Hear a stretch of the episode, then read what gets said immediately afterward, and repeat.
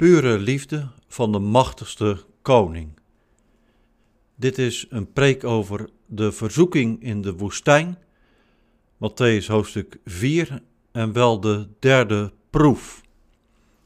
Ik lees eerst de tekst, Matthäus 4, vers 8 tot 11, dan volgt de preek. De duivel nam hem, dat is Jezus, opnieuw mee, nu naar een zeer hoge berg hij toonde hem alle koninkrijken van de wereld in al hun pracht en zei: Dit alles zal ik u geven als u voor mij neervalt en mij aanbidt. Daarop zei Jezus tegen hem: Ga weg, Satan. Want er staat geschreven: Aanbid de Heer, uw God, vereer alleen Hem. Daarna liet de duivel hem met rust en meteen kwamen er engelen om voor hem te zorgen. Tot zover het woord van God. Gemeente van de Heer, beste luisteraar, luister eens even goed. Ik heb een klusje voor je, een simpel klusje. Het kost niet veel tijd, het is ook niet ingewikkeld. Het is ook geen lelijk klusje. Niemand raakt gewond. Je hoeft geen geweld te gebruiken. Je overtreedt de Nederlandse wet niet. Echt niet. En als je het doet, krijg je een miljoen euro op je bankrekening. En een Ferrari en een villa met zwembad aan de Franse zuidkust. Dat alles voor een simpel klusje. Doe je het?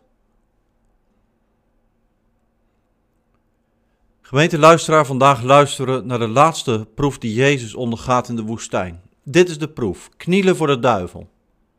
Eén keer knielen. En dan is alles voor Jezus. Alles. Niemand raakt gewond als Jezus dit doet. En Jezus krijgt ook geen last met de Romeinse overheid als hij dit doet. Vooral is er dit aan de hand.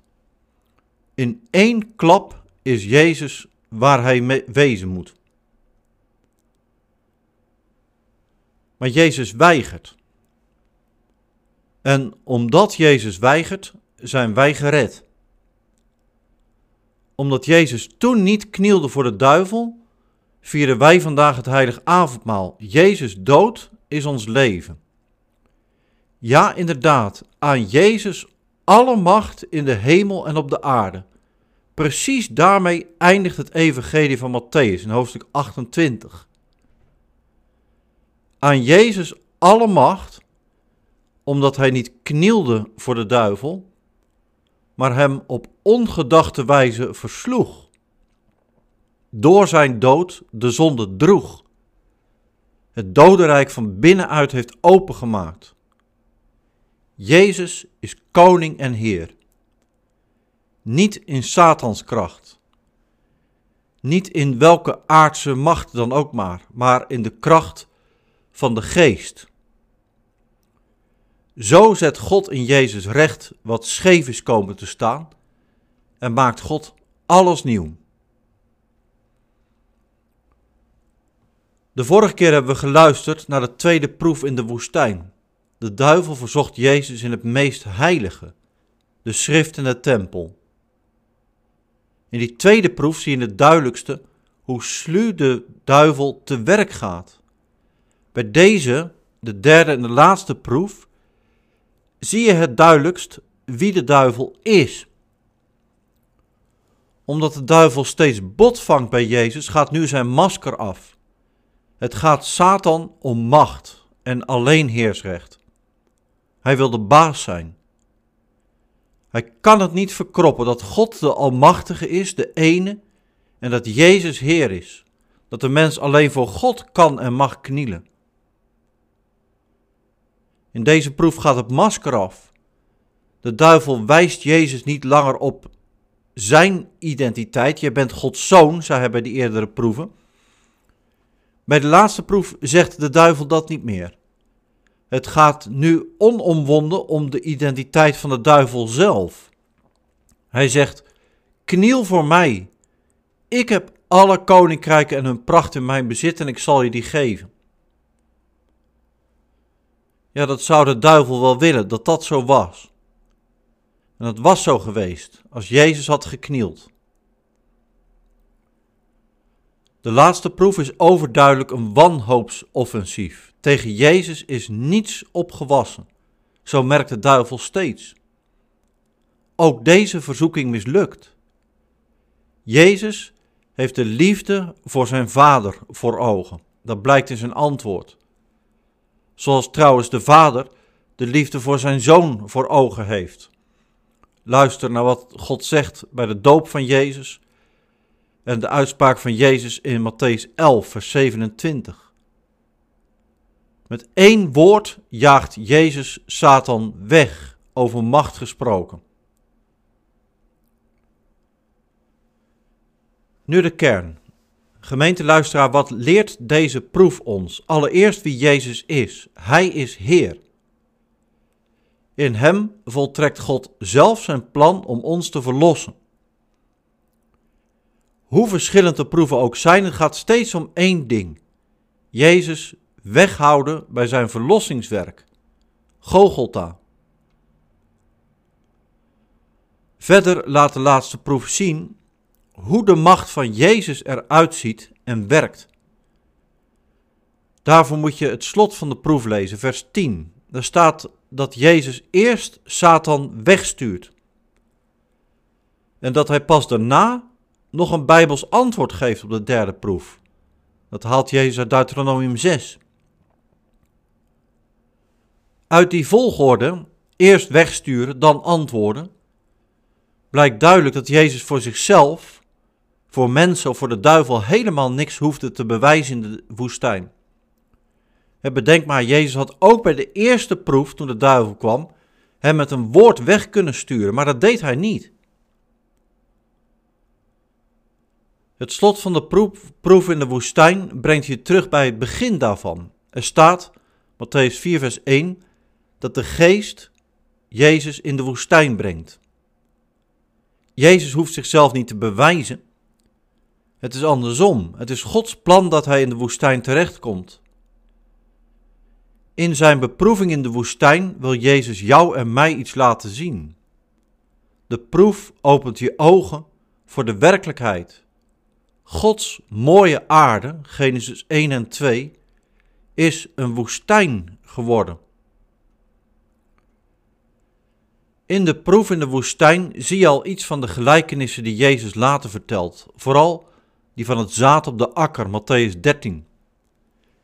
Jezus opent je ogen voor de strijd die gaande is en waar je zomaar aan voorbij kunt zien. De geestelijke strijd tussen Gods koninkrijk en dat van de Satan. Tussen Jezus' macht en de macht van de zonde.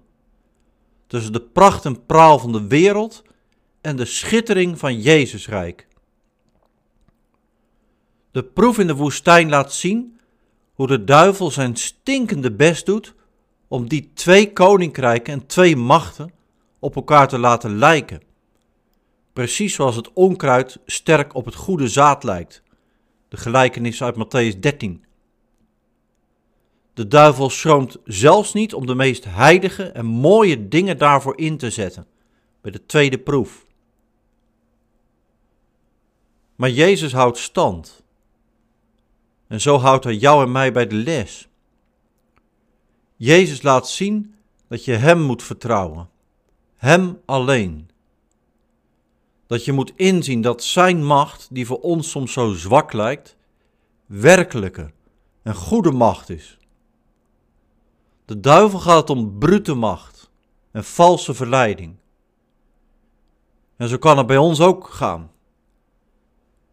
Jouw gelijk, het beste inzicht, de meeste stemmen, de grootste mond, de mooiste kerk, het fijnste geloof, het sterkste leger, de meeste vaccins, de beste strategie. Jezus is anders.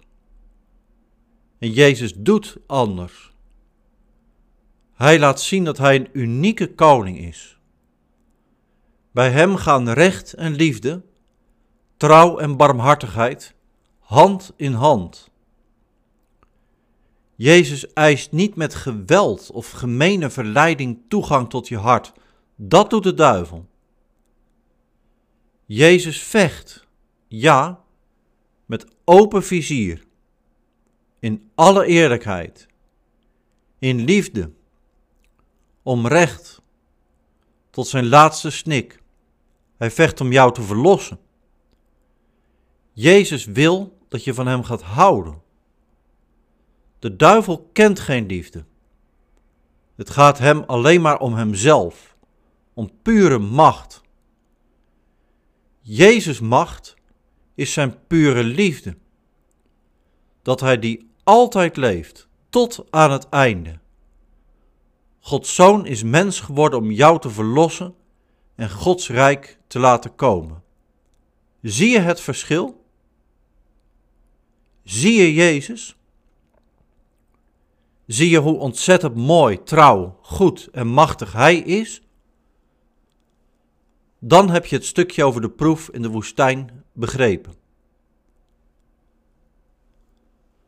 Tot slot nog dit. De proef in de woestijn opent je ogen voor de werkelijkheid, de geestelijke strijd. Verderop in het evangelie van Matthäus rijdt Jezus ons een wapen aan in de strijd. Dat wapen is helemaal in lijn met de schijnbaar zwakke situatie van de beproeving. Jezus' wapen is geen zwaard, geen geweer of aardse politieke macht. Dat zijn allemaal aardse wapens. Jezus geeft ons een hemels wapen. Het wapen van zijn macht. Het godsvertrouwen. Ons wapen is het onze Vader. Door heel het evangelie heen blijkt het gebed het meest krachtigste dat er bestaat. Jezus leert ons bidden, leid ons niet in verzoeking, maar verlos ons van de boze. Want van u is het koninkrijk, de kracht en de heerlijkheid tot in eeuwigheid. De verzoeking in de woestijn legt de basis voor dat gebed. Vertrouw je aan Jezus toe. Gemeente, doe dat. Volhard in gebed. Laat ik één mooi voorbeeld geven. Iedereen weet dat er naast blijdschap ook zorgen zijn over de kerk van vandaag en de toekomst van de kerk in Nederland. Laatst was er een kerk in het nieuws die het heel goed deed, een PKN-kerk in Utrecht. Die kerk houdt jongvolwassenen vast. Die kerk groeit hard. Meteen klinkt dan de vraag: wat doet die kerk goed? De predikant van die kerk gaf een schitterend antwoord. Hij zei dat deze groei verhoring van gebed is. Dat tientallen jaren geleden de gemeente het er niet bij liet zitten toen de vergrijzing optrad en kerksluiting dreigde. De gemeente ging bidden. En God hoort. De geest beweegt mensenharten. Vernieuwing komt. Wie bidt, staat nooit in de kou. Wie God vertrouwt, komt nooit bedrogen uit. Want Jezus belichaamt Gods trouw, zegt Paulus in 2 Korintiërs 1. Zo is Jezus proef in de woestijn te lezen. Gemeente, Jezus houdt onvoorstelbaar veel van je.